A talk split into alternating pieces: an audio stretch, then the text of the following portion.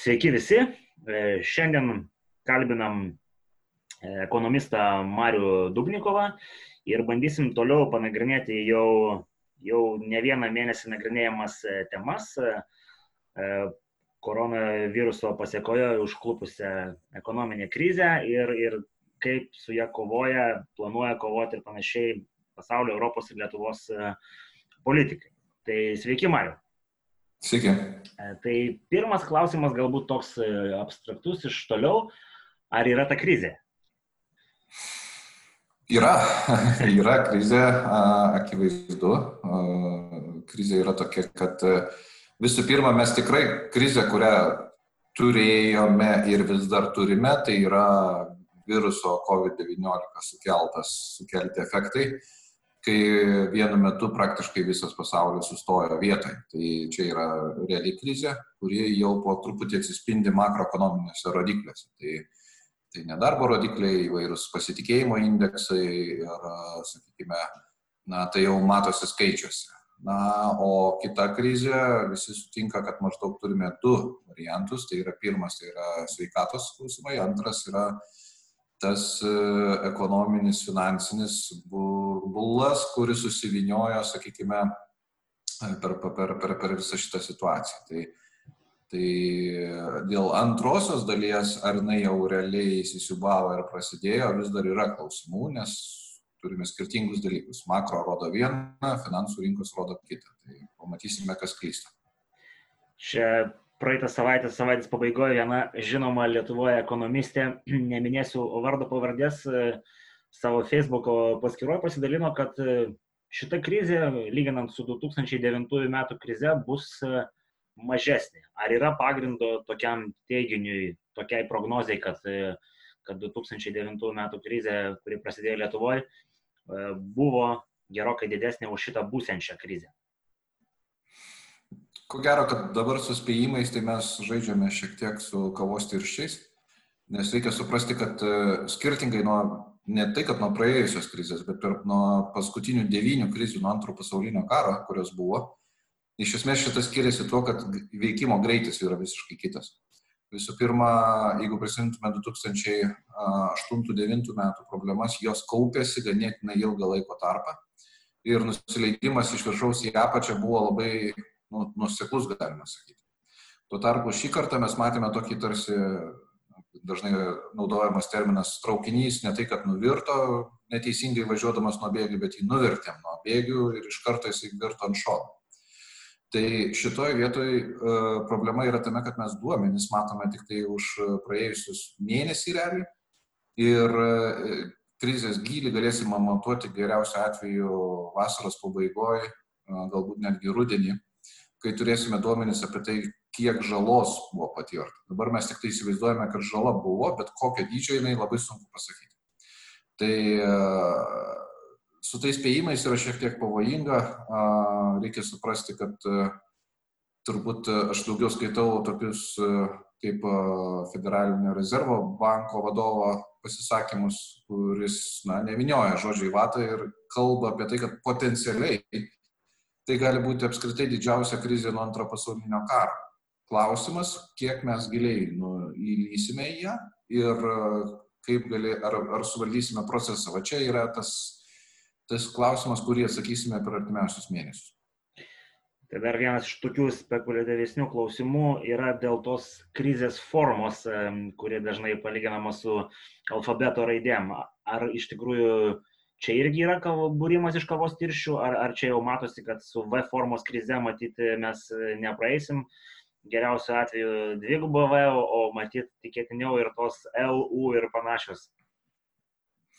Na, vienas dalykas akivaizdu, kad iš tiesų kritimas, kaip minėjau, buvo labai stiprus. Praktiškai per mėnesį, realiai mes kovo, kovo tik tai vieną savaitę sugebėjo pirmo ketvirčio ekonominius rodiklius kalbėkime apie bendrą vidaus produktą, praktiškai visam pasaulyje nustumti neigiamas atšymas ir ganėtinai stipriai, tai tik dvi savaitės, nes sausis vasaris ekonomikoje buvo pakankamai geras. Klausimas, kokius gausim duomenys už antrą ketvirtį, greičiausiai tragiškus. E, tai tikėtis, kad atsistatysime, va taip pat, nu, du mėnesius kritom, ir per du mėnesius atsistatysim ir turėsime gražią raidę, jeigu naudojam raidės, tai yra nu, tikriausiai utopija. Dabar koks tas atsistatymas galėtų būti? Tai supraskime, kad didelė dalis verslo ir darbo vietų neatsikurs ir neatsikurs netgi apskritai. Jeigu kalbėtume apie Italiją, pavyzdžiui, Italijos restoranų verslas iš esmės prognozuoja, kad didžioji dauguma buvusių restoranų net neatsidarys tokie, kaip buvo. Tai yra arba jie keis savininkus, arba jie bankrutuos ir iš naujo bandys įsisteigti, atsidaryti bet iš esmės pasaulis tikrai pasikeitė ir pasikeis ir vienareikšmiškai. Ir tai reiškia, kad atsigavimas jisai bus ilgesnis, užsitęsęs, čia jau kokią raidę pritaikysim, čia ir, ir L forma, ir U forma, ar tenais net buvo, kai kas paminėjo, tokia išrasta suplota V raidę naudojo. Tai nežinau, kuo tai skiriasi nuo U raidės, bet, bet matyt yra kažkokia dar kitoks požymis. Po, po Bet iš esmės atsistatymas iš tiesų jisai šiek tiek užtruks. Nes nepaisant to, dėl kelių dalykų. Vienas dalykas yra, sakykime, iš esmės negalima taip sparčiai sustatyti, nes matome dar skrydžiai nevyksta, restoranai neveikia arba veikia ribotai, viešbučiai neveikia arba veikia ribotai globaliai ir dar to reikės palaukti. Antras dalykas, e, tas efektas tai yra žmonių baimės ir euforijos efektai. Tai reikia suprasti, kad ta juoda gulbė tai ir iš tiesų virusas buvo ta juoda gulbė, kurios niekas nesitikėjo, jinai nutupė į ypatingai e, deramą dirbą. Nes prisiminkime 2019 metų pabaigą, visi labai optimistiški, sausis vasaris dar labiau optimistiški, dėl 20 metų dedamės e, rožinius sakinius su dioptrijom, sakyčiau, ir, ir, ir, ir, ir, ir štaiga šast ir viskas išsijungia. Tai kas įvyksta? Įvyksta atsargumas Ir pavyzdžiui, netgi nepaisant valstybių politikos, kai yra masiškai liejami pinigai, centriniai bankai spausdina pinigus bet vangos ir e, žmonių vartojimas greičiausiai taip pat nebus taip greitai atstatomas. Nes e, Keynesas dar prieš šimtą metų rašė praktiškai, kad e, iš esmės yra likvidumo krizė, kurią mes matome. Pinigų yra iš tiesų, jų yra daug, daug daugiau negu buvo prieš du mėnesius pasaulyje bet žmonės yra linkę juos pasilikti prie savęs ir palaukti ir įsitikinti, kad tikrai viskas yra taip, kaip mes suprantam. Ir tada atsiranda rizika, kad uh, netgi virusui pasitraukus, netgi vakcinai sukūrus, susikūrus, ar tenais ten, sakykime, atstačius visas galimybės veikti verslams, žmonės kurį laiką bus atsargus. Tai grįžtant prie tų raidžių, reiškia, kritimas labai staigus Na, atsistatymas jau priklausys nuo kampo, nuo to, kaip sugebėsime tvarkytis. O tai parodys laikas, nes šiuo atveju tikrai kalbame apie daug spėjimų ir e, ekonomistam yra sunku uh, dirbti šitoje aplinkoje, nes mes esame įvelti į, į, į įspėjimus. Ir labai sunku interpretuoti duomenys, nes jie yra tokie, na, galbūt šiek tiek kreivų veidrodžių karalystės iš kažkur. Tai. Gal tada perinant prie tų konkretesnių skaičių, kokie aišku, dar yra šiuo metu. Kaip tas e, krizė pasiskiršius pasaulio kontekste? Ar, ar galime teikti, kad kažkuris pasaulio regionas, e, turime į Šiaurės Ameriką, Europą, Aziją, nukentėjo labiau nuo šitos krizės ir, ir, ir, jiems bus sunkiau? Tai pirmą, ką galima išskirti, tai per paskutinius keliasdešimt metų, jau nekalbėkime apie paskutinį dešimtmetį, iš tikrųjų pirmą kartą Kinija įžengė į neigiamą bendro vidaus produkto kritimą, sakykime taip. Pirmą ketvirtį susitraukimas neregėtas praktiškai per kelis dešimtmečius. Bet e, ko gero, kad besivystančios šalis bus tos, kurios mažiau nukentėjo, nes e, reikia suprasti, kad jų kritimas yra anksčiau, yra praėjusiai kriziai, jisai paprastai apsirivodavo mažesniais nusileidimais arba tiesiog sulėtėjusiu augimu. Tai labai tikėtina, kad tas besivystantis regionas, būdamas alkanas vis dar, jisai sugebės išeiti iš krizės, na, apdaužytas, bet ne taip stipriai. E, didelis, didelis krūvis be abejo tenka išsivyščiusiam pasauliui, tai vakarų Europą ir Junktinės Amerikos valstijos. Tai didžioji mislė yra turbūt su Junktinėmis Amerikos valstijomis, nes e, jau dabar yra oficialus skaičius beveik 15 procentų nedarbas, tokius skaičius šalis nematė ganėtinai ilgai. Niekada matė. Ir prognoz... Matė per didžiąją depresiją virš 20 procentų tas skaičius buvo, bet e, yra rizika arba netgi jau yra spėjimai, kad būtent tą skaičių mes pakartosime arba viršysime su sekančio mėnesio duomenimis, nes e, bedarbystė sparčiai auga. Išskirtinumas su Amerika yra, su Junktinėmis Amerikos valstijom, kad atleidimo ir prieimimo procesas yra labai lengvas. Ir tas liberalus požiūris į darbo vietą jisai turi ir savų minusų, nes natūraliai tai tampa žmonių asmeninė problema labai greitai krizės. O tuo tarpu e, prieimimas atgal irgi yra lankstus ir tai reiškia, kad o priima verslas juos atgal lankščiai, nežino, kad nepasisekus verslui bus galima vėl atleisti. Tai tas tango arba šokis kažkoksai tarp, tarp darbdavio ir darbuotojų yra daug intensyvesnis negu vakarų Europoje. Ir šiuo atveju yra klausimas, kaip sureaguos darbo duomenys po to, kai atsidarys būtent paslaugų sektorius ir valstijose vėl pradės eiti žmonės. Greičiausiai tas sušvelnės kažkiek.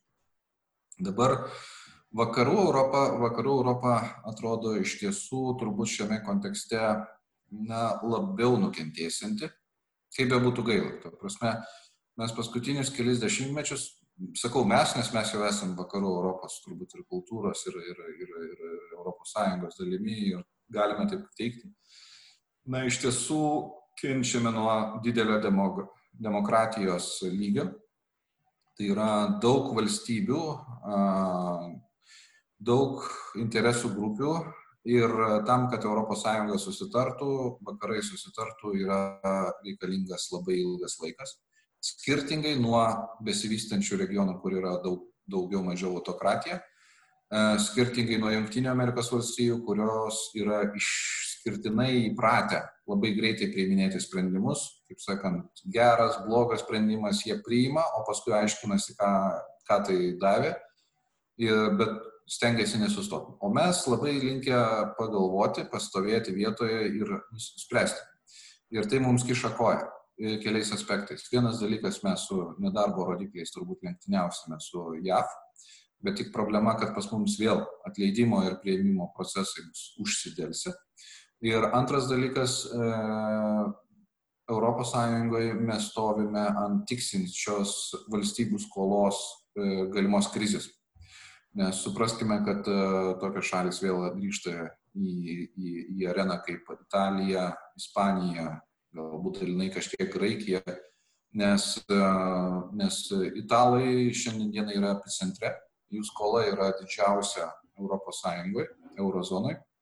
Mario, aš noriu šitoje šito vietoje noriu Jūs e, pertraukti ir išklausti iš karto, nes po to pamiršiu. Tarkim, JAF arba Japonijos skola yra ne ką mažesnė ir matyt net didesnė. Ar tikrai čia yra ta esminė problema? Esminė problema yra tame, kad e, kas liečia JAV, tai lyginant su BVP, jo skola yra mažesnė už Italiją. E, Japonijos be abejo dvigubai didesnė negu Italijos. Bet turime esminius skirtumus. Japonijoje skola yra vidinė. Jis yra finansuojama iš žmonių ir realiai tai yra žmonių pinigai plus žmonių pasitikėjimas, nu, toks turbūt neordinarus arba pasaulyje nesutinkamas, e, nepaprastas pasitikėjimas savo valstybę valdytojais ir panašiai tai jie yra šiek tiek uždari, kaip sakant, savo sultyse verdantis. Junktinės Amerikos valstijos reikia suprasti, kad jos turi e, išskirtinį dalyką, tai yra dolerį, kuris yra na, pasaulio galybė, nes tu jį gali spausdinti ir spausdinti kiek nori, iš esmės. Italija spausdinti pinigų neturi tokios galimybės, jinai gali tikėtis Europos centrinio banko paramos. Italija neturi tokio palaikymo visuomeniai iš, iš piliečių pusės. Italija mm, yra, buvo epicentre pačio viruso ir jos ekonomika, supraskime, iki, iki šiol, iki to viruso dar 20 metų stagnavo, žmonių gerbuvis 20 metų negerėjo absoliučiai. Ta prasme, mes daug, kart, daug kartais lietuviai būdami kritiškai galvojam apie save ir manom, kad italai galbūt gyvena kažkaip tai labai geriau negu mes, bet supraskime, mes juos vejamės tokiu tempu, kad, e, kad labai greitų laikų mes galime pagal pragyvenimo lygį juos lenkti, dėl to, kad jie 20 metų stovi vietoje ir dar ant viršaus gavo, sakykime, viruso problemas, kurios apskritai į knockdowną pasiuntė visą ekonomiką ir biudžeto surinkimą. Tai ten problemos yra giluminės, tai yra ir biudžeto surinkimas, ir, ir sakykime, viešo sektoriaus finansavimas, ir pensijų mokėjimas, ir ten tragedijų tragedija, kuri gali persikelt potencialiai kaip problema kitiem, kitoms valstybėms, tokioms netgi kaip Vokietija. Nes supraskime, kad pusė Italijos skolos yra finansuota iš Vokietijos bankinės sistemos. Ir, ir Italija ir Vokietija yra bambagislės surištos tarpusavį dabar vokiečiai spardosi, nelabai nori duoti italams pinigų, bet greičiausiai jie bus priversti tai daryti. Ir, bet bet kokiu atveju tai, ko gero, kas regionas, kuris įsivels į tam tikrą sunkumų laikotarpį, tai yra be abejo ES, vakarų Europa, tikrai mes turėsime tam tikrų iššūkių arba didesnių iššūkių, negu turėjome anksčiau. Tai dar prie to pačio, matyt, paklausiu pakankamai aktualu, aktualu mūsų kaiminystės kontekste, kaip šitą krizę paveikia Rusiją? Na, Rusija, sakykime, kokiu aspektu žiūrėsime. Ta prasme, jeigu žiūrėtume iš pačios Rusijos vidaus, tai vienareikšmiškai poveikis yra neigiamas. Dėl ko? Dėl to, kad jie, akivaizdu, yra antra pasaulyje šalis pagal susirgymų skaičių. Jau net, net vertinant tą oficialią statistiką. Antras dalykas, lygiai grečiai gavome, gavo Rusija įvartį su naftos ir dujų kainomis, kurios pasiekė žemiausius taškus nuo šiame amžiuje, galima sakyti, kaip tai drastiškai beskambėtų. Ir lygiai grečiai, sakykime, turbūt didės spaudimas visuomeniai dėl visuomeninių išlaidų ir, ir, sakykime, tų pačių pensijų. Nes supraskime, kad tas pats rublis yra arti rekordinių žemumų, lyginant kitų valiutų atžvilgių na ir visos importuojamos prekės labai stipriai pabrango. Tai vienas dalykas, kitas dalykas, sakykime, kas liečia Rusijos ES sutelktumą, e, tai ES, nepaisant įvairių na, tokių negatyvių požiūrių, sakoma, kad šešioje krizėje Europa iš tiesų patirs labai didelių sutikretimų, tai yra taip, tai bus vidinių problemų. Bet greičiausiai Europa išeis iš šitos pusės sustiprėjusi, dėl to, kad e, susitelkimas ir bendrų įstatymų turėjimas jisai turėtų padidėti. Dėl labai paprastos priežasties, tokios šalis kaip Italija, Ispanija, Prancūzija dalinai, nes labai meiliai e, flirtuos su Europos centrinio banko tam, kad e, susitelkti ir gauti tų pinigėlių. Tai Rusijai, sakykime, partneris, kuris yra pašonė, jisai bus galbūt labiau susitelkęs ir e, susitvarkė savo įstatymus ir panašiai. Apie kažkokių tai e, sankcijų atšaukimo turbūt kalbos nebus, nes sankcijos atšaukiamos tik tai tada, kai, kai nėra vienybės, tai vienybė, jinai ko gero, kad sustiprės. Galbūt dabar jinai turi tam tikrų braškėjimo požymių, bet vėliau turėtų sustiprėti. Na, o Rusijai, Rusijai iš tiesų, ta prasme, tai yra finansinis e, problemos, supraskime, kad didelė dalis, ko ne 40 procentų biudžeto surenkama iš naftos ir dujų ir žaliavų iš esmės eksportuojamų. Ir čia kainos krito per pusę ir, ir, ir iš tiesų dar lygiai grečiai yra sveika ekonomika kita pusė, kuri sudaro vartojimą ir vidaus ekonomiką, taip pat nukentėjo ne ką mažiau negu kitų šalių nuo būtent viruso sukeltų karantino poreikio ir dar baisiau tai yra žmonių baimės. Nes ko gero, čia galima šiek tiek pajokauti, yra toks anegdotas, kai į, į, į, į, į miestą ateina mirtis ir sakosi, kad paims 500 žmonių iš tenais, išėjus mirčiai numiršta pusantro tūkstančio, nes e, dar 500 pasiemė ne tik mirtis, bet pasiemė baimę 500 ir dar 500 paniką pasiemė. Tai va čia čia ir yra tas didžioji problema, kad e, šio viruso akivaizdoje dar mes turime ir lydinčius sukretimus, tai yra žmonių vartojimo įpročių pasikeitimus, žmonių gyvenimo įpročių pasikeitimus. O tai yra, yra, yra turbūt daug žalingiau negu tenais e, netgi šiandienai viruso tiesioginės sukeltos problemos. Taip, e, psichologija vaidina vaidmenį visur, visose žmogiškose veiklose. Tai tada, matyt, reiktų perėti galbūt prie to vaizdo, e, kaip atrodo, kaip atrodo valstybių skolinimasis e, tiek pasaulio, tiek Europos kontekste, kaip mes atrodom čia, e, kuris vat, yra vykdomas, tasme, kovai su, su potencialia ekonominė krize kovoti? Tai šiame kontekste mes turime visiškai skirtingą situaciją nuo praėjusio krizės 2009 metais, nes praėjusiais kartą ypatingai didelę reikšmę turėjo pinigai ir jų turėjimas arba jų galėjimas pasiskolinti. Ir akivaizdu, ta per, per Lietuvai buvo problema, nes mes negalėjome pasiskolinti normaliomis sąlygomis ir dėl to kentėjome daug daugiau negu galėjome. Šiame kontekste mes atrodome geriau, nes visų pirma turime eurą, antra mes turime galimybę skolintis pakankamai patraukliom palūkanom ir, ir šiuo atveju vertė persislenka nuo pinigų į darbo vietas. Tai akivaizdu, išeinant iš šio taško, kad e, kiekvien e, dabartinė situacija ir pasaulyje yra ta pati, kad pinigų vertė yra nustumiama į antrą foną arba antrą, antrą, antrą rolę, nes visi supranta, kad e, šioje situacijoje mes galime išeiti arba kitos šalis gali išeiti laimėtojais ir pralaimėtojais ir stengiamasi elgtis pakankamai drąsiai su pinigais, tai yra betodairiškai tikrai skolintis, jeigu tokia galimybė yra, na, tam, kad išlaikyti darbo vietas. Nes visi supranta, kad e, po to, kai baigsis karas, jeigu galima taip išsireikšti, karas su, su virusu, iš esmės e, startuos tie, kurie turės daugiau dirbančių ir gebančių dirbti žmonių.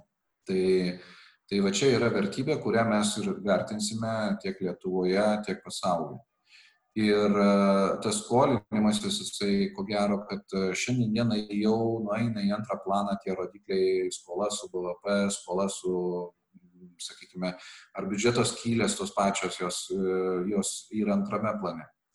Ir, ir, ir šiuo atveju be abejo įdomus procesai bus po to, kai baigsis karas, kai nusistovės skolos. Ir klausimas, ar nereikės prieiti prie kažkokių tai skolų peržiūrėjimų, užskaitų nurašymo, galbūt netgi pagaliau bendrų susitarimų. Bet nuo tai priklausys nuo to, kiek ilgai reikės būti šio karo stadijoje. Nes e, jeigu mes vis tik tai išeiname pakankamai aiškiai, nebūtinai pabaigti krizę visiškai ir pereiti į kažkokį labai spartų augimą, bet tiesiog suvokti, kad jau rizika pasitraukė, būtų atpalaidavimas, galbūt mes ir nesugrimstume į labai didelės skolas. Bet jeigu vis tik tai viskas pieštųsi blogiausių scenarijų ir, ir užsitęstų, na, tarkime, per paskutinį šimtmetį buvo tokių krizių, kurios užsitęsdavo 20 ir daugiau mėnesių, tai supraskime, kad po tokio ilgo mūšio e, tikrai su tomis skolomis bus problema. Tai yra, bus persiskolinta ateities kartomis, nes dabar, ką mes darome, iš esmės mes vartojame ateities kartų finansinį rezervą ir energiją.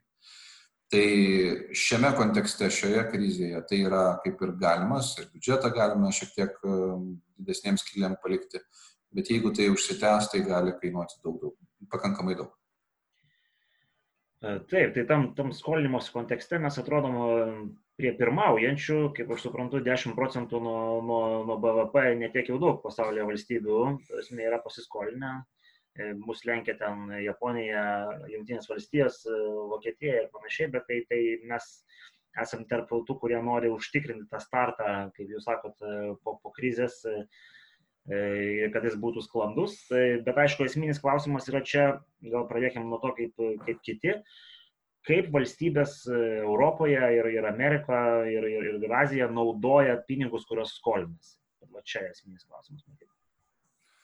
Tai esminis dalykas, sakykime, čia yra geras klausimas, todėl kad kur mes panaudosime tas paskolintas lėšas. Mes skolinamės daug dėl to, kad mes galime ir dėl to, kad esame maži. Supraskime, kad bendram pasaulio kontekste mes esame mikroekonomika, kuri, kurios dydis e, dažnai gali būti palygintamas su viena ar kita kompanija, kuri yra Junktinio Amerikos valstybių biržoje kotiruojama. Tai šiuo atveju mūsų ekonomikos yra tikrai mažos, mes tai galime daryti. Dabar kokios yra, yra įpročiai, ne įpročiai, bet kokios strategijos yra naudojamos, tai yra be abejo, kur mes panaudosime tas lėšas. Pagrindinė rizika yra tame, kad mes tas paskolintas lėšas vis tik tai sunaudosime vartojimui, bet ne kūrimui. Ir Ir čia išsiskiria. Vėlgi, Azijos šaliai, supraskime, tokia kaip Kinija, jinai neturi socialinių garantijų žmonėms ir ten pensijų mokėti iš esmės nereikia, nes jų nėra. Ir tai reiškia, kad jeigu šalis turi rezervus arba skolinasi lėšas, jinai jas beveik praktiškai jungia į ateities pridėtinės vertės kūrimą. Junktinėse Amerikos valstijose socialinės garantijos taip pat yra minimalios arba kai kuriais atvejais jų net nėra. Ar kaip pavyzdys su ta pačia sveikatos sistema, čia vėlgi galime ginčytis, ar tai yra gerai, ar blogai, kiek tai kainuoja žmonėms, kiek tai kainuoja likimų sulaužytų ir panašiai, bet e, tai daro juos greitesnius ir akivaizdu, kad vėlgi jie įsilieja į kapitalo kūrimą ir kapitalo kaupimą tikintis, kad ateityje darbą turintys ir pinigų turintys žmonės sugebės ištemti visus likusius iš balos. Ir vėl grįžtame į Vakarų Europą. Vakarų Europoje turime didžiulės socialinės įsipareigojimus, kaip Prancūzija, kuri perskristo virš 50 procentų nuo bendro vidaus produkto per savo biudžetą. Tai yra moka įvairiausias išmokas, lygos, senatvės ir panašiai. Vėlgi čia filosofinis klausimas, ar tai yra gerai ar blogai, bet faktas tas, kad šitoj kritiniai situacijoje, kai tu turi daugiau na, svorio, kurį reikia tau vežti, iš esmės daro tave lėtesniu. Tai... Lietuva šiam kontekste, matyt, atrodo labai gerai su Prancūzija lyginant ar, ar su kitom. Su prancūzais mes atrodome gerai, su kitais galbūt atrodome prašiau, galbūt mes turime tam tikrą balansą, sakyčiau. Iš tiesų, vėlgi, reikia suprasti, kad mūsų jauna šalis, jinai per tą trumpą 30 metų nepriklausomybės iš esmės nesugebėjo užsiauginti tokios didelės kupros, kaip pavyzdžiui turi tie patys skandinavai, kur papuolė į krizę, jie labai sunkiai sprendžia ją dėl to, kad tai yra vėlgi na, socialinės garantijos, jos yra geras dalykas, kai esi toje pusėje, kur gauni pinigus, bet bendrais paėmus kartais tai yra daugiau na, našta.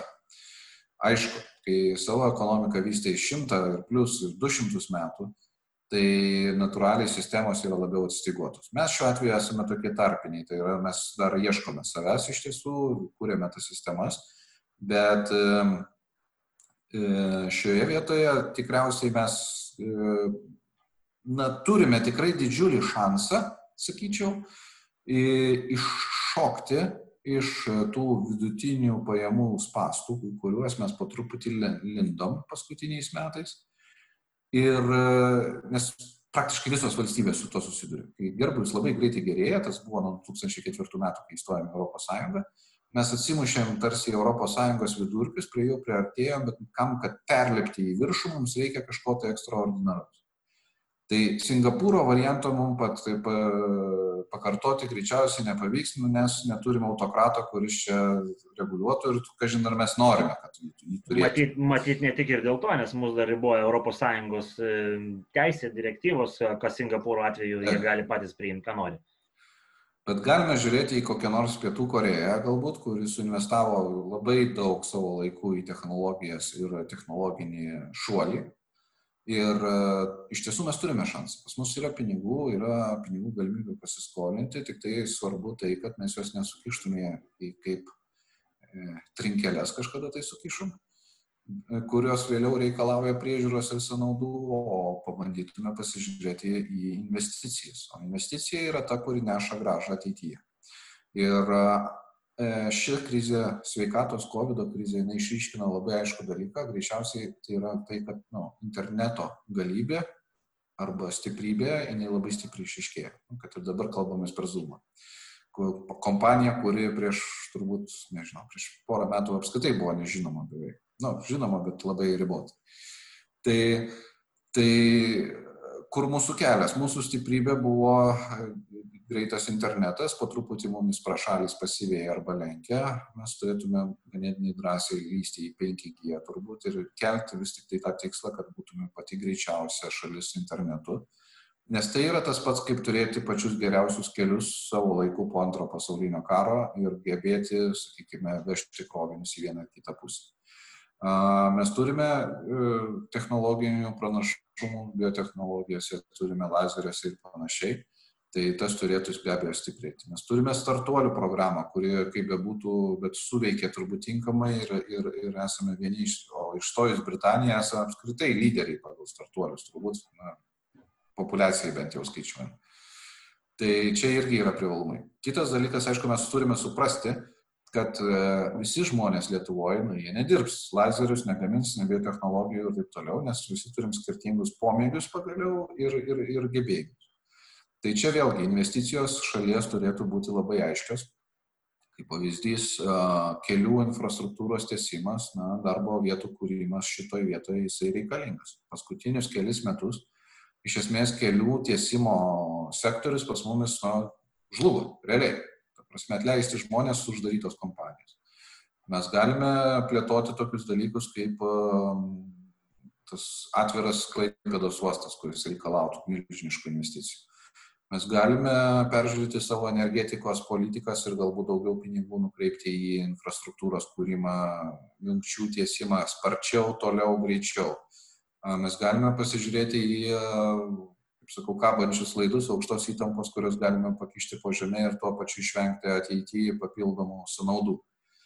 Ir, ir, ir taip toliau. Tai va čia turbūt ir yra tikrai profesorius Raimondas Kuodis dažnai užsimena, tai kaštų naudos analizė yra turbūt tas šiandien dienai ašinis dalykas, kurį turėtume daryti tam, kad būtent atlikinėtume investicijas ir investicijos atliktų naudas, o ne klotume trinkelės vidury miško ir džiaugtumėmės, kaip yra gražu, kad, kad voveriams reikia šokinėti per, per asfaltuotą kelią. Tai, Tai, tai, tai va čia yra esmė. Ir jeigu mes tas investicijas tinkamai susidėliosim, tai būtent mes galime iššokti iš, iš krizės labai stipriai laimėjami. Bet tam reikia būti drąsiam, tiek politikam, nebijoti priiminėti sprendimus, nes ir veikti čia ir dabar. Tai to yra pasigendama, akivaizdu, kai buvo COVID gaisras, visi trypčioja vietoje ir kaip ir yra pinigų, norisi kažką daryti, o šiandien dar tikrinau, Invegoje iš paskirtų pusantro milijardo, ko ne, yra išdalinta, panaudota 5 procentų. Tai kaip sakau, tai yra kiekvienas statistiką mėgstantis žmogus pasakys, kad 5 procentai sistemos efektyvumas yra iš esmės klaida. Tai yra per klaidą buvo pasiektas kažkoks rezultatas, kuris siekia 5 procentus. Gali nieko nedaryti, bet kurioje sistemoje 5 procentų rezultatą turėtum pasiekti bet kokią atveju. Tai, tai va čia yra dramatizmas, kur, kur yra galimybės, ir, ir, bet trūksta pasiruošimų. Man beje patinka vienas posakis, kas yra, yra sėkmė. Tai nežinau autoriaus, labai gaila, negaliu pasituoti, bet Sėkmė yra, kai galimybės susiduria su, su pasiruošimu. Net jeigu neturi nei vieno, nei ki, vieno arba kito, galimybės gali ateiti, bet jeigu nėra pasiruošimo, sėkmės nebus. Ir atvirkščiai, jeigu esi labai pasiruošęs, bet kol kas nesulaukia tos galimybės, sėkmės irgi nebus. Na nieko kito, kai tie du dalykai susijungia, jie iš tiesų padaro stebuklą. Tai visų pirma, mes turime treniruoti raumenis, kad būtume pasiruošę, nu, galbūt praleidome šiek tiek šitą, šitą momentą bet galimybė tai faktas, kad atėjo į mūsų kiemą. Tikrai taip, galimybė jo, kieme yra. Paminėjo 5 procentus, sukėlė šipsoną, nes praeitą savaitę buvo 2,5, tai yra teigiamas poslinkis Invegos pinigų dalinime, bet e, grįžkim tada galbūt prie to, ką kalbėjot. E, sakot, kad mes iš principo, jeigu sustikosim savo finansus, tai tų galimybių panaudo, išnaudojimas yra galimas, bet dar yra toks faktorius, kad Lietuvoje yra smarkus žmogiškųjų resursų trūkumas. Ar tai mums nepakiškojas, nes realiai norint, tasme, tarkim, po krizės pritraukti kažkokius naujus verslus ar gaivinti, ar mes nelabai turim pakankamai aukštųjų technologijų specialistų, tų inžinierių, IT specialistų ir panašiai. To kiekio, kurio galbūt reikėtų, jeigu mes norėtume tapti, kaip minėjot, e, Pietų Koreja ar kažkokia kita e, panašiai į Azijos tigrus?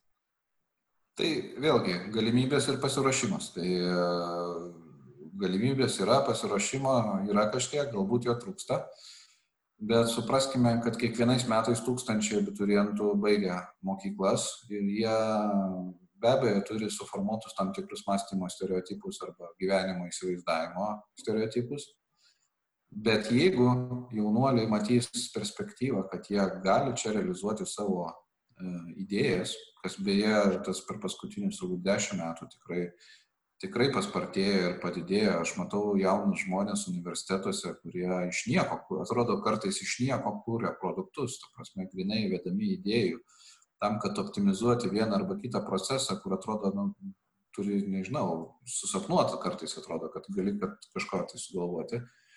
Tai esant e, nuosekliai investavimo politikai ir kuriant tas darbo vietas, mes tikrai galime pasiekti tų rezultatų būtent e, ir už tų žmonių tikrai pakaks. Tai vienas dalykas, mes turime jaunimą, kaip be būtų, kuo daugiau jis matys, daugiau galimybių čia Lietuvoje, daugiau jo liks, o dabar apskritai net negali niekur išvažiuoti. Tai, tai, tai viena yra pusė.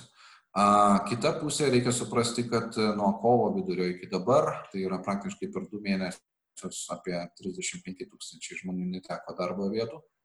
Ir tai yra, yra jėga, kuri gali būti panaudota. Bet dar įdomesnis skaičius yra, yra žmonės, kurie stovi prastovose ir stovi, na, sakykime, vaikų priežiūros, lygos prie įvairių nedarbo. Tokių žmonių per COVID krizę galima suskaičiuoti beveik 300 tūkstančių bendroje sumoje. Tai apie tai, kad pas mus trūksta žmonių, turbūt būtų nu, nelabai atsakinga kalbėti, nebent kažkokiu tai labai labai ilgu laikotarpiu. Aišku, jeigu mes pas mus ateitų koks nors super giga didelė kompanija ir sakytų, dabar mums čia reikia dešimčių tūkstančių specialistų, tai natūralu, kad mes jų nerasim.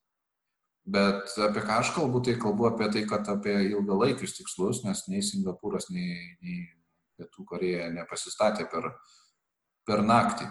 Tai yra mažiausiai 50 metų procesas ir 30 metų procesas. Tai šituoju atveju visų pirma mes turime turėti aiškę labai viziją ir žmonės tikrai labai tas vizijas pradeda suprasti, kai mato pavyzdžius. Ir e, žmonių skaičius šiuo atveju turbūt nėra problema, apskritai greitis, kurį mes galime išvystyti, būdami maža valstybė, labai suspausta, sakykime, valstybė, tai yra, kur per dvi valandas gali pervažiuoti praktiškai didžiąją dalį šalies. Tai, tai tikrai galime tai padaryti. Na ir kitas dalykas, reikia suprasti, kad e, per paskutinius 16 metų nuo, 2000, nuo įstojimo Europos Sąjungą mes padarėme milžinišką progresą. Ir e, pas mumis pradeda važiuoti noriai e, rytų šalių arba būsių mūsų kaimininių šalių ir esamų kaimininių šalių gyventojų.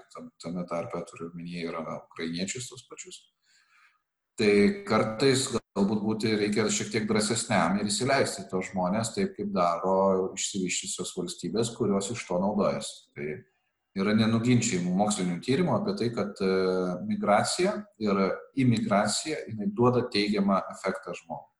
Nu, nereikia lietuviui kasti griovio, jeigu už jį gali padaryti, sakykime, na, geriausiu atveju tai turėtų ekskavatorius daryti, bet jeigu jau turime problemą ir reikia, kad žmogus kastų, tai gali būti žmogus, kuriam užtenka mažesnio atlyginimo. Aišku, galima šaukti, kad čia dėl to sumažės lietuvių atlyginimai, bet reikia suprasti, kad e, būdami išsivystę, mes turėtume vadovauti darbams, kurie yra daromi žmonių, kuriems užtenka mažesnį atlyginimą. Tai taip yra kuriama nauda, o ne nauda konkuruojant prie dobės su kastu. Tai, tai, tai va čia yra, yra, yra esminis skirtumas, kuris, kurį, kurį mes galime pasiekti. Na, o technologijos, kaip sakau, viskas yra tvarkoje. Tam, tam mes prisitaikysim, mes esame labai imlus.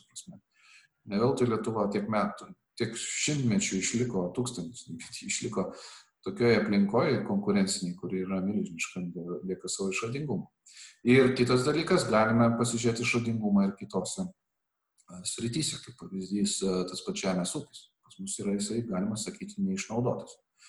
Mes įpra, pabandėme žaisti Kazakstaną, arti laukus ir, ir auginti grūdus ir juos grubiuoju būdu parduoti, nekuriant pridėtinės vertės, bet tuo tarpu Olandai, kurie yra panaši šalis pagal dydį, bet su, aišku, su daugiau žmonių, jie, aišku, priverstinai sugalvojo, kad galima pastatyti šiltnamį ir ten galbūt pastatyti, paužauginti produktų, kurie yra brangesni, o dar geriau sukišti juos į stiklainius ir parduoti kaip produktą. Tai, tai va čia yra, yra tų vizijų, į kurias mes galime judėti, yra begalės, jų yra, yra daug, tiesiog tam reikia skirti laiko ir, ir kartais joms netrukdyti gimti. Jo, čia tikrai palėtė daug temų, tai biškai paresponduosiu. Tai tikrai taip, su Kazakstanu ar Ukraina mums žemės ūkija sunku varžytis dėl labai objektyvių priežasčių, mes nesam tokioj klimatiniai juostai. Išradingumo matyt galėtų būti, o pasiekti Olandos, Olandijos pavyzdžių, kodėl to nedarom, čia matyt atskiros laidos tema, nes žemės ūkis yra pakankamai sakykime, tai pelningas biznis, e, turint omeny dotacijas ir kitus dalykus ir kaip Lietuvoje tai išnaudojama yra.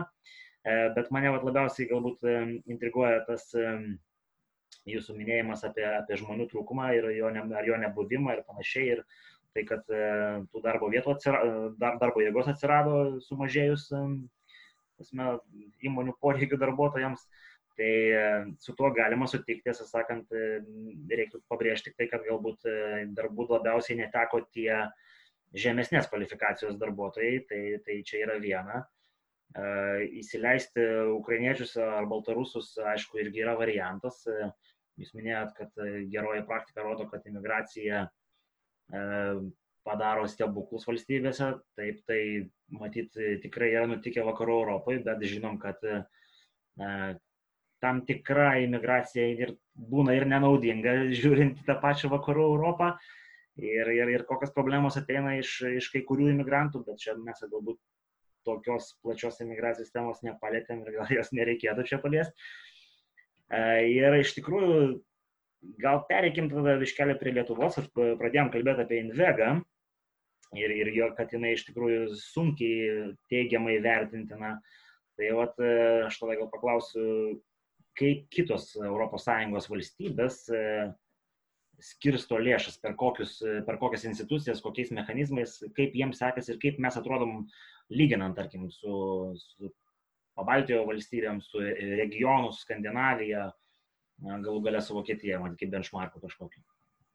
Tai Invega, kas liečia, tai nereikėtų jo statyti prie stulpo ir plakti, kad jinai yra iš esmės bloga. Tai yra institucija, kuri puikiai atliko savo funkciją iki šiol, bet reikia suprasti, kad iki šiol tokių mastų jinai niekada nematė. Ir natūraliai, jeigu sistema užpili pinigais, nereiškia, kad jinai sugebės su jais susidoroti, nes tai čia paprasčiausiai neturi praktikos ir mechanizmų tam padaryti. Tai greičiausiai yra tame problema. Antra problema, žvelgiant į kitas šalis, kurios e, sugebėjo įlieti pakankamai daug lėšų. Na, ne visai geras pavyzdys Šveicarija, kuri, sakykime, turi vėlgi pinigų spausdinimo mašiną savo kiemę, bet e, pavyzdys yra labai paprastas. Tai yra vis tik tai e, mentaliteto klausimas, nes valdininkai iš tiesų supranta ten, tenais, kad reikia pinigus, jeigu dalinijos dalinį turi duoti labai greitai galbūt priimant prielaidą, kad dalis tų lėšų negrįž apskritai. Ir paskui išsiaiškinsim, kodėl jos negrįžo, jeigu kas padarė nusikaltimą, už tai turės atsakyti ir panašiai. Bet pas mumis, kur mes lūžome, mes lūžome ties tuo, kad jeigu nori gauti gražintinas lėšas, ne tai kad paramą, subsidiją, bet e, skolą, kurią teks tau gražinti anksčiau ar vėliau, turi pristatyti krūvą pažymų. Tos pažymos yra išduodamos su tam tikrais terminais. Ir vienos negavus negali prašyti kitos ir panašiai ir panašiai. Turbūt čia neužtektų laiko tas iš, iš, iš, iš, išdėstyti visą tos grandinės. Tai kaip minėjau, problema, kur yra, tai yra biurokratija, kuri yra įpratusi spręsti problemas pagal 2008 metų algoritmą, kur buvo algoritmas neduok niekam, nes pavoks. Tai dabar irgi jeigu pagal tą patį eini, nu, tai gaunasi ir tas procesas toksai, vat, klibantis, klebantis ir niekaip nesrealizuojantis. E, kokios dar buvo programos? Ta prasme, programa, sakykime, o tie patys vokiečiai kažką panašaus kūrė pas mus, bet jie yra daug greitesni. Jie turi išdirbtas sistemas e, e, jau anksčiau ir čia yra turbūt pasiruošimo klausimas iš tiesų. Ir antras dalykas tai yra supratimas, kad pinigų davimas E, verslui, tai nėra kažkokio tai blogio rėmimas. Nes e, Lietuvoje mes papuolėm į tam tikrą problemą, kad iki šios krizės iš esmės verslo įvaizdis jisai buvo labai stipriai bloginamas. E, vartoju būtent žodį bloginamas, nežinau, kiek tai sąmoningai yra. Bet iš esmės biurokratija ir valstybės institucijos buvo linkusios labiau remti žmogų pašalpomis, bet ne skatinti jį imtis verslo. Ir mažo to dar tai buvo priešinama vienas prieš kitą. Tai e, to pasiekmė yra, kad tas pasitikėjimas tarp valstybės institucijų, verslo ir visuomenės yra suaižėjęs ir čia yra turbūt didžiausia problema. O pinigus išdalinti, ar tai bus Invega, ar tai bus e, VMI tas pats, ar, ar tai bus Sodra, ar tai bus darbo biržos kažkokios tai programos, tai yra tik tai technikos klausimas. Svarbu, kad ta technika veiktų. Tai akivaizdu, kad jinai pas mumis nu, veikia, bet šiek tiek tokia paklaidos lygiai. Tai va čia yra problema. O kaip išdalinti, nu, kaip pavyzdys, ta prasme, nu, sodra negali išdalinti 200 eurų iki, iki rudenį. Nu, tarkime, negali. Atmeskime įvairius, įvairius variantus dėl to, kad norime rudenį atiduoti tos pinigus. Tai mano manimo, VMI galėtų tuos pinigus atiduoti su deklaravimo savo sistema per, per, per akimirką. Nes, nu, ne akimirką, okei, okay, biškai programavimo darbų reikėtų, bet, bet tai būtų labai greitai. Jeigu negali kita viena sistema, tai kita. Ir taip, taip toliau, ir taip toliau. Tai va čia ir yra esminis dalykas, ta prasme, noras, noras spręsti ir padėti.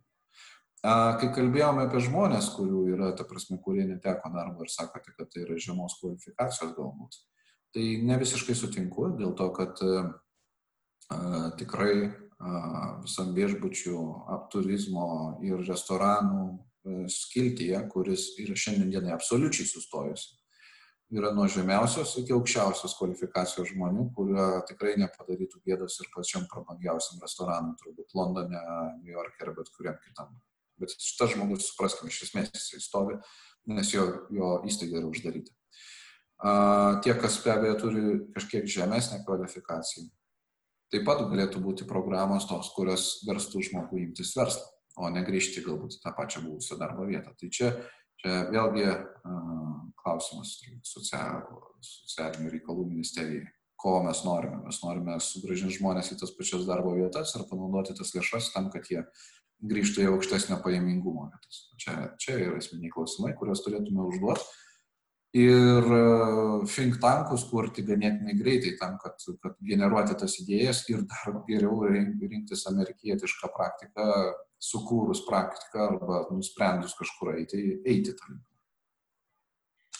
Jo, tai dėl amerikietiškos praktikos čia matyt bendra tendencija Europoje yra šiek tiek kitokia, labiau ta, sakykime taip, kairė dominuoja visam žemynė. Čia, kai minėjote apie pinigų paskirstimą, tai matyt, juos buvo galima skirstyti netgi bėdos atveju ne tik tai per valstybinius įrankius, bet tuos pačius fintechus, kuriuo mes turim ir, ir, ir ten iš tikrųjų klausimas, kaip paskirstyti būtų išspręstas labai greitai, ten kokiu nors instance pamokėjimų Lietuvoje pinigai pasiektų labai greitai adresatą paminėjot, kad e, šita kvalifikacija ne, vis, ne pas visus yra žema, kurie neteko tikrai taip, bet aš manau, kad, tarkim, žinomų restoranų, kurie galbūt e, subraškėjo šefai, jie visą laiką gali online kažką sukurti ir panašiai ir, ir pritraukti kažkokius ten workshopus ar kažką, ko galbūt negali ta didžioji dauguma padavėjai ir panašiai. Tai taip, čia problema iš tikrųjų daugelįpė. Jei matyt, mes šioje laidoje neturėsim tiek laiko, dar noriu trumpai paklausti jūsų nuomonės, vat, yra čia tas garsusis valstybinis investicinis fondas, kuris atsirado neseniai ir yra tos kalbos apie, apie, apie valstybinį banką. Kaip Jūs manot, ko verti šitie instrumentai ir kokie jų pliusai ar minusai, tasme, ekonominė prasme žiūrint? Tai kas liečia banką, mes e, dėl banko tai apskritai turime apsispręsti, kokio pobūdžio banką turime turėti. Savotiškus bankus mes turime. Tai yra, turime tą pačią Invegą, turime Europos, pagaliau Europos Sąjungos paramos mechanizmus, kurie saliginai atlieka banko funkciją, nes finansuoja mūsų verslą arba kofinansuoja verslą. Jeigu mes norime turėti komercinį valstybinį banką, tada jau čia reikėtų labai didelių diskusijų, kur na, tikrai turėtume pasirinkti kažkokį tai modelį ir klausimas, kiek tai mums kainuotų laikė ir pinigais. Nes komercinio banko paleidimas, tai reiškia, tikėtina, kad jis užtruktų 3-4 metus, kai galėtume kalbėti apie kažkokius pradinius rezultatus tik. Tai reiškia, laikėjai yra labai ilgai, galima rizika yra tame, kad mes sukursime monstrą, kurį reikės išlaikyti iš, iš mokesčių mokėtojų pinigų. Ir vėliau, jeigu pamatysime, kad tai veikia netinkamai, tada turėsime problemą dar jį ir užgesinti.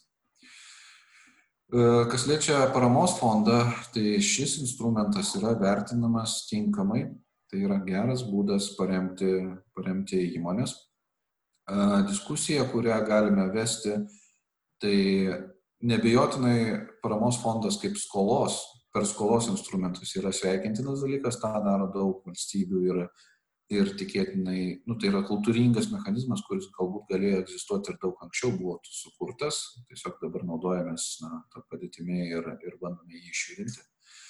Man abejonių šiek tiek kelia tai, kad fondo e, aprašymuose, kurių dar pilnoje apimti nėra, sunku spręsti, reikės matyti, kaip jie bus surašyti.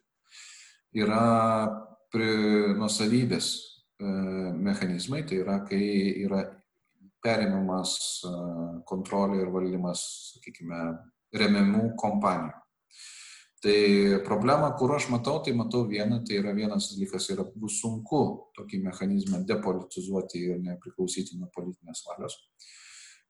Antras mechanizmas yra, supraskime, kad valstybė ne visada sugeba įrodyti gebėjimą valdyti įmonės ir jeigu pas mus atsiras valstybinė trašų kompanija, valstybinė nežinau, cukraus gamybos kompanija, dar kažkas tai, kas yra svarbu, kokiam vienam ar kitam regionui, tai galime vėl turėti tam tikrą problemą, kokią mes turėjome, pavyzdžiui, su Lietuvos jūrų laivininkystė, kai turėjome laivų kompaniją valstybinę, kuri baigė savo dienas tikrai nepavydėti. Tai vienas momentas. Antras momentas - valstybės liejimą, įkišimasis į privatų verslą, jisai iškreipia vidinę rinką. Ir konkurencija darosi ne visiškai tolygi. Tai, sakykime, kapitalą gaunant iš valstybės rankų įmonė turės konkurencinį pranašumą prieš įmonę, kuri turi privatų kapitalą. Ir tai galime įtvirtinti ilgainiui. Ir šitoje vietoje, kas liečia tą fondą, iš tiesų norėtųsi matyti būtent tas apsaugas. Aišku, tą mes sulauk, turime sulaukti dokumentų, aprašų ir įstatų ir panašių. Apsaugas nuo būtent šių rizikų. Nes uh, iškeltas tikslas būti skaidriam yra vienas dalykas, bet tai jį reikia įgyvendinti ir aprašyti. Uh, antras dalykas, kad galbūt galbūt, jeigu mes norime gelbėti vieną arba kitą stambę kompaniją Lietuvoje, kam ir sakoma šitas fondas, ir tam jau reikia kapitalinių investicijų, tai yra investicijų į kapitalą ir investicijų į nusavybę, tai tokias atvejus mes galime spręsti vadinamais one-offiniais arba vienkartiniais susitikimais, kur vyriausybė ar, sakykime, kažkoks kitas išminčių klubas susidedantis iš vyriausybės, bankų, dar kažko tai nusprendžia, kad šis įstaiga yra privaloma ją išsaugoti ir tada daromas vienkartinė injekcija, labai aiškiai apsprendus konkretų atvejį. Suteikiant fondų galimybę visada spręsti tokias investicijas, yra rizika, kad e, vienose arba kitose rankose bus sutelkta perteklinė gale. Tai yra gale įsikišti į laisvą rinką. Tai va čia yra tokie klausimai, kuriuos mes turėtume apmastyti ir kuriuos, kuriuos tikrai, aš manau, turėsime laiko spręsti, nes to fondo startas ir jo veikla ir pradėjimas arba gebėjimas skolinti jisai šiek tiek užsitęs laikė, tai nebus toksai greitas procesas. Procedūriškai greičiausiai mes galime pradėti, bet supraskime, kad jeigu reikia nupirkti vieną arba kitos įmonės akcijas ir lieti į kapitalą pinigus, tai kalbame apie mėnesius, nes tam reikalinga ir vertinimai, ir, ir, ir, ir sprendimo parengimas ir taip toliau. Tai va, čia yra tokie kritiniai klausimai. Dėl, o dėl banko tai yra, sakau, ta prasme, bankas, bankų funkcijas atliekančių institucijų mes jau dabar turime pakankamai ir noras turėti žodį bankas savo įstaigos pavadinime kartais yra irgi atrodo perteklinis ir kūrentis galbūt potencialiai tam tikras rizikas dėl to, kad na, tiesiog mokesčių mokėtojams tai atsirūks vėliau per didesnius, didesnius mokesčius arba pinigų nutekėjimus į, į netinkamą, netinkamai valdomą turtą. Čia kyla keletas klausimų. Vat paminėjot, kad tų institucijų, kurios atlieka panašias bankinės kaip ir operacijas, ne operacijas, kažkokius veiksmus, kurie įtakoja kitų, įmonių, žodžių, veiklą, Lietuvoje yra. Tai galbūt būtų konsolidacija kažkokia banko atsiradimas. Ir tuo pačiu tada klausimas, kodėl iš į Lietuvą neteina privatus kapitalo bankai, nes kaip ir yra stoka pas mus tų e, visaverčių bankų. Tai labai paprastai konsolidacija tų įstaigų tai yra galima, bet nebūtinai ją reikia konsoliduoti po žodis banko, kas yra sunki institucija iš esmės, su savo dideliais reikalavimais ir panašiai. Kas liečia komercinius bankus, kodėl jie pas mus neteina, nu, tai atsakymas yra labai paprastas. Tai yra maža rinka. Maža. Maža rinka. A, kitas dalykas tai yra vėlgi reguliavimo pasiekmė. Nes supraskime, kad netgi konsoliduoti kai kurie bankai Lietuvoje, kurie buvo, turėjom vieną didesnių apsijungimų, iš esmės pasirinko Estiją kaip savo centrą. Ir tikriausiai ne dėl geografinių, sakykime, privalumų, o dėl to, kad yra kažkas tai kitos lygiai.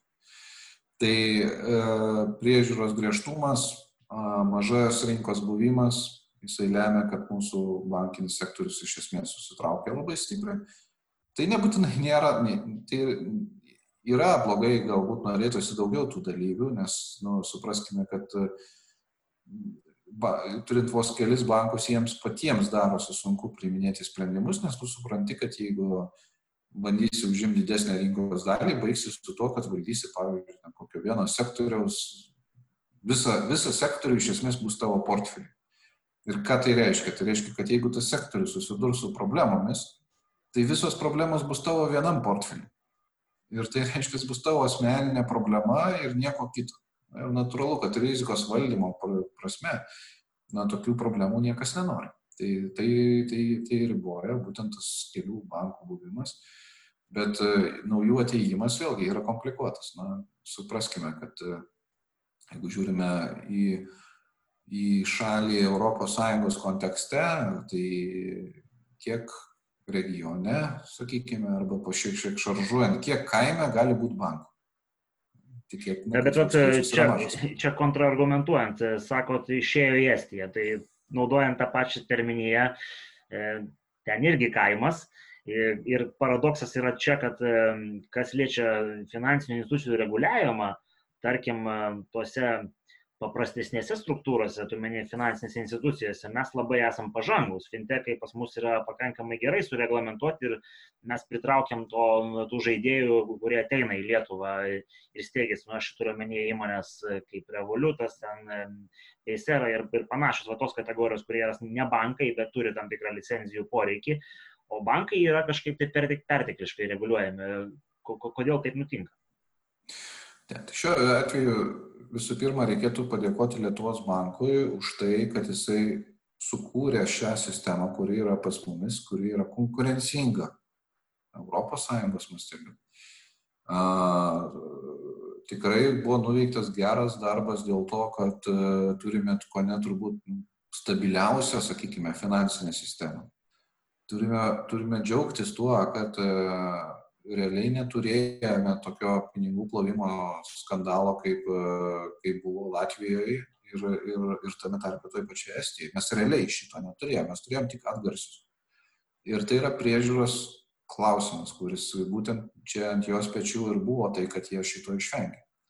Tai šioje vietoje yra viskas labai gerai. Bet prisiminkime mūsų nesenus sprendimus gruodžio mėnesį, kai svarstydami, kad reikia papildomus eurus nukreipti ten vienai arba kitai grupiai, nutarėm sukurti kažkokį tai Frankensteiną, nepabijočiau, ir, apmokė, ir pateikti sektorinį apmokestinimo modelį. Tai yra apmokestinti vieną sektorių didesnių mokesčių, neva išskiriant, kad jis turi išskirtinės teisės. Ir ką mes turim? Mes turim, va čia ir turim, ta prasme, jau vieną skylę, kuri mūsų laivas skandina. Bet dar didesnė problema, kad su tokiu skylių grėžiojimu, nebijokime, kad tas skylės patys išsigrėžim, tai e, žmogus arba bankas paraleliai lipantis į tokį laivą, kuriame yra skylė ir žinant, kad kapitonai patys savo skylės grėžioja, na, jisai galbūt pasižiūrės laivą, kuris yra mažesnis, bet e, skylių negrėžioja tenais kas nors patys savo. Tai va čia, čia yra esmė, ta prasme, reguliacija tai nėra priežiūra tik tai reguliacija, reguliavimas, tai yra mokestinės sistemos stabilumas, tai yra požiūris į mokesčių tvarumą, tai yra požiūris į e, verslo laisvę, požiūris į bendrą verslo aplinką ir panašiai. Tai va čia mes turime problemų, kuriuos, kuriuos stengiamės kažkaip tai uh, spręsti keistai. Arba atsukime dar plokštelę, uh, nežinau, metus laiko atgal ir e, prisiminkime, kaip buvo skalbiami bankai apie tai, kokie yra blogis, kaip juos reikia sutvarkyti ir panašiai, kaip jie leidžia savo savivaliauti. Ir pasukame tą pačią juostelę šiek tiek į priekį ir susidurime su COVID problemomis ir suprantame, kad be bankų šitas problemas neišsispręs. Tai va, tas visuminis, visus, visuminis požiūris, tai va, turbūt čia pas mus yra to daugiausiai trūkumo kad e, kartais reikia pažiūrėti šiek tiek už kampo, kas laukia. Ir, ne, ir negražiuoti skilių savo laive pačiam ir tikėtis, kad nuo to jisai greičiau plauks. Jo, tai čia, čia matyti yra pradžioje tai politinė problema, kuri sprendžiama, žodžiu, yra galbūt rinkimų mechanizmais ir galbūt e, kapitonai bus geresni. Dėl to, ką minėjot, e, dėl to, kad mes neturėjom skandalų, čia aišku yra didelis pliusas, bet tik tai klausimas čia daug, daug maž filosofinis, ar, ar tikrai mes jų neturėjom, ar galbūt e, tos e, grupės, kurios atlieka tos plovimus, pasimokė tai, ką, ką praėjo Estijoje ir Latvijoje, Lietuvoje, praslydo kažkaip tai apdairiau padarė savo ėjimus, bet čia jau atskira tema. Aš dar vat, norėjau paklausti. Na, šitoje vietoje reikėtų sustoti ir neinterpretuoti. Iš tiesų mes labai gražiai praėjome šitą problemą ir akivaizdžių problemų mes kol kas bent neturime, nes reikia suprasti, kad tyrimai buvo daromi už praeitį ir kad ir kas būtų konspiracijos teorijas mes mėgtume, nebuvo, nu tikrai, ta prasme, padidinimo stiklas iš Baltijos šalių pakabintas buvo ir dabar yra pakabintas, nes mes traktuojami, būnami traktuojami kaip vienas vienetas dažnai, tai šioje vietoje tikrai reikia tvirtai pabrėžti, kad Lietuva labai turi gerai prižiūrimus bankus ir tų kliauzų nebuvo padaryti. Nu, negaliu, negaliu ginčytis, jūs, jūs ekonomistas, šitos ryties specialistas, tiesiog čia buvo tam tikrų nuotrupų spaudoje, kad, tarkim, buvo susidūrę su, tam tikrom problemom vykdant sviftinius mokėjimus ir panašiai dėl tam tikrų e, jų, jų aptarnaujamų klientų, žodžiu, perlaidų, bet e, nelyskim, aš pritariu, kad Lietuva iš tikrųjų atrodo geriau negu Latvija, tai tikrai, ir matyti negu Estija. Aš dar norėjau paklausti tą socialinį tokį aspektą. Tai kai kas sako, kad na, valstybinis bankas tiesiog suteiktų pinigų socialiai tokiom atsakingom investicijom, kuriuom galbūt privatininkai nenori rizikuoti kapitalu. Ar čia yra svarus argumentas, ar, ar jisai yra tiesiog išpūstas? Na, supraskime, kad e, tada mes kalbame apie, apie investiciją. Kodėl privatus verslas nenori investuoti į vieną arba į kitą? Dėl to, kad yra rizika, ne tai, kad neuždirbti, bet yra rizika prarasti savo lėšas.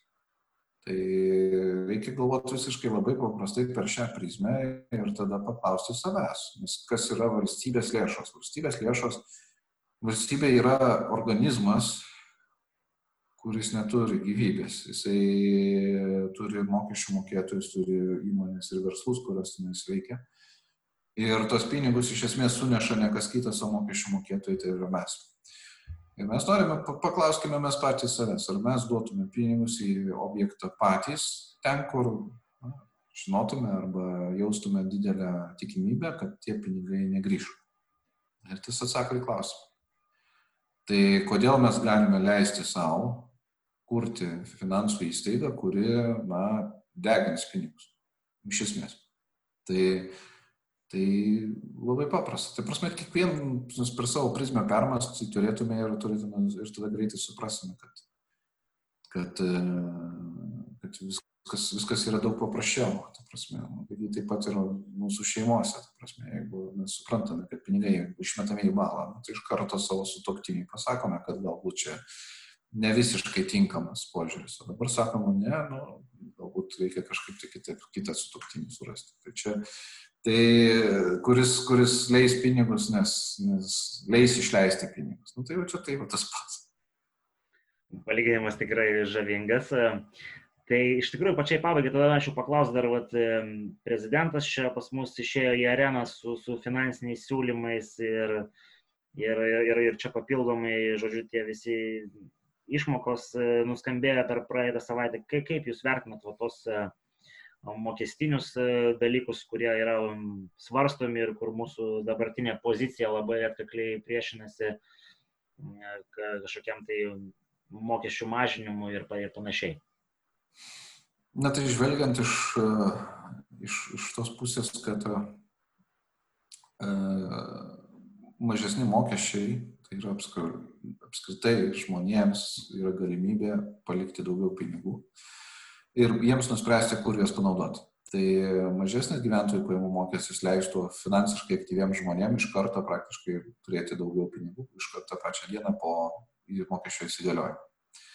Be abejo, tai yra brangi priemonė, kuri kainuoja šaliai tikrai ne vieną šimtą milijonų ir, ir ilgai, ilgai tokios, tokios sakykime, mm, drastiško sumažinimo turbūt biudžetas nepaveštų. Bet galėtume kalbėti apie ilgainiui kaip siekį, kad GPM būtų 15 procentų. Tai dabar, sakykime, kuo, kuo yra palankus prezidento siūlymai. Tai pirmas dalykas yra, yra tai, kad tai yra nukreipta į finansiškai aktyvius žmonės. Nes e, skirtingai nuo tų, kurie nėra finansiškai aktyvus, kurie gali būti, kad pinigus atsidės. Tai šiuo atveju žmonėms, jeigu sumažinam GPM, mes padidinam jų pajamas. Jeigu žmonėms sumažinam NPD, mes padidinam jų pajamas. Padidėjusios pajamos gali būti lygios padidėjusiam vartotojui. Mm, vienkartinė vaikų pinigų išmoka. Vėlgi, supraskime, daug žmonių gali būti netekę darbo ir turės vaikus leisti rugsėjo 1, kur bus fiksuoti kaštai tai irgi gali paskatinti vartojimą, apsaugoti tą sektorių nuo vartojimo susitraukimo ir lygiai grečiai galime paruošti vaikus geresnį mokslo metą. Bendrai paėmus tos pasiūlymus iš bent vertinu tikrai teigiamai. Galbūt kai kur galima kalbėti apie, kaip pavyzdžiui, GPM ilgamžiškumą. Tai yra, sakykime, tvaru jį turėti apskritai, nes e, po paskutinių reformų mes turėjome tikrai didžiulę problemą, mes turime GPM 9 su, su devynės begalės rūšių. Turime ir 20, ir 20, atsiprašau, 32, turėjom 27 ir turim 15 procentų ir, ir, ir, ir, ir taip toliau, ir taip toliau. Tai a, turėtume turbūt judėti link sumažinimo, link sumažinimo tų GPM rūšių ir a, labai norėtųsi, kad tai būtų daroma mažėjimo linkme. Tai prezidento siūlymai tai yra į, į visai, visai taikus. Kitas teigiamas efektas, aš manau, kad tai gali šiek tiek šie prezidento siūlymai praskiesti valdančiųjų norą pirkti, galima sakyti, tam tikros grupės balsus. Nes kai mes teikiame paramą praktiškai visoms interesų grupėms, jas gauna visi kaip ir paramą. E, bet kai tuo tarpu nusitaikom į vieną interesų grupę ir tikėtina atsirinkę savo elektoratą, tada mes darome, darome tikrai meškos paslaugą, nes supraskime, kad e, takoskira ir pasitikėjimas vėlgi tarp valdžios verslo ir visuomenės, jisai aižiai. Tai manyčiau, kad šie prezidento rinkimai atlieka funkciją ir tam tikrą subalansavimo viso paketo, kuris yra siūlomas. Jo, jūs teisingai pastebėjote, čia matyti yra tas tam tikras mentalinis susidūrimas, nes e, tie, kurie, kaip sakot, yra finansiškai aktyvus, jie galbūt netokie aktyvus rinkimuose. Ir čia galbūt susidūrimas tarp gerovės Lietuvos ir galimybių Lietuvos yra labiau ryškus. E, tai pačiai pabaigai noriu paklausti tokio filosofinio, sakykime, taip klausimo. Kiek tikėtina, kad va, šita ekonominė krizė COVID-19 pasiekoji atėjusi iš esmės pakeis kažkokią ekonominę santvarką Europoje, pasaulyje ir, ir kad, kad čia pavyks kažką perkrauti ir pergalvoti. Jūs minėjote apie tam tikrą skolų nurašymą valstybių ir panašiai, nes nu, tas perkaitimas jisai tęsiasi ne vieną dešimtmetį. Kiek yra tikėtina, kad kažkas keisis fundamentaliai kapitalizme? Keisis iš esmės. Ta prasme, aš manau, kad šita krizė, jinai ką padarė, tai ir, kaip sakau, iškėlė į aukštumas e, internetinius elektroninius ryšius, gebėjimą veikti per nuotolį ir panašius dalykus ir tai greičiausiai liks uh, ekonomikoje ilgam. Jeigu šiek tiek fantazuojant ir, ir, ir, ir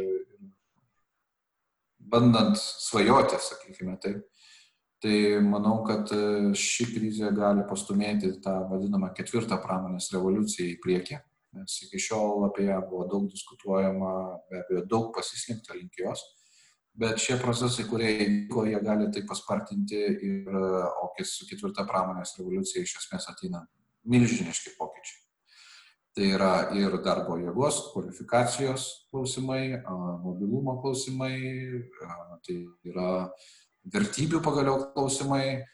Tai šitoj prasmėje, manau, kad tai yra daug ką keičiantis objektas ir ketvirtoji pramonė revoliucija dėl COVID greičiausiai priartėjo, o ne nutolo nuo mūsų. Kitas dalykas, kas dar gali būti, tai ryšim su šiais pokyčiais mes tikrai turėsime ir įvairių gamtos sauginių ir sveikatos klausimų pokyčių. Tai kaip be būtų iki šiol labai niūriai apsiliepiam apie, apie Europos Sąjungą, e, kad jinai turi daug problemų, bet jinai turi ir pranašumų. Tai yra būtent dėl gamtos sauginio požiūrio ir lyderystės pasaulyje, galima sakyti drąsiai, šioje srityje. Ir manau, kad gamtos sauginiai ekonomika kaip po tokia yra tikrai įmanoma ir iš to Europa vat, gali išlošti uh, ilgame žaidime. Tai yra, mes galime tapti laimėtojais šiuo atveju, būdami ES dalimi. Kas dar gali keistis? Be abejo, valstybių santykiai, skolos santykiai, jie gali keistis, gali būti įvairių iššūkių, kurie reikalaus tam tikrų sprendimų. Tai čia laikas parodys. Bet esminiai pokyčiai, aš manau, kad tai, kas, kas vyksta dabar, supraskime, kiek pasikeitė pasaulis, kiek per internetą atsirado įvairių dalykų ir kokių jų dar atsiras. Reikalavimai, ta pati žiniasklaida, paimkime, bendravimo per pasiekiamumą žmonių, kiek padidėjo, ta prasme, per internetą ir panašiai. Tai va čia, šioje vietoje, sakyčiau, technologijos, jos taps išmanesnės, gudresnės ir taip toliau, ir daugiau reikalaus žmogaus mąstymo, o ne fizinės jėgos. Antras dalykas tai yra gamtosauginiai pokyčiai turbūt yra neišvengiami. Jeigu anksčiau kalbėjome tik tai apie, apie klimato kaitą, tai dabar atsiras diskusijose ir virusai, jų prevencija, priežiūra, ką darome su pasauliu pagaliau. Nes akivaizdu, kad valgyti visą, kas juda, o kas nejuda, išjudinti ir suvalgyti, nors strategija yra sudėtinga. Prasme, greičiausiai paskui gamta atsisuka prieš mumis ir sako šiek tiek pailsėkit. Tai, tai va čia tie esminiai pokyčiai turbūt ir galimi. Nu, tai tokia pozityvia nota bandykim ir baigti, kad e, Lietuva iššoktų į tą ES e, valstybių, kurios lyderiauja paminėtose srityse traukinį ir neliktume už borto. Ir tada dėkui, dėkui Jums, Mario, už, už išvalgas. E, tikrai manau, kad klausytėjams bus daug klausimų atsakytų, kurių, kurių galbūt nebuvo anksčiau atsakyta. Ir tikiuosi pakalbinti Jūs ateitį. Okay. Gerai, iki sekančio karto.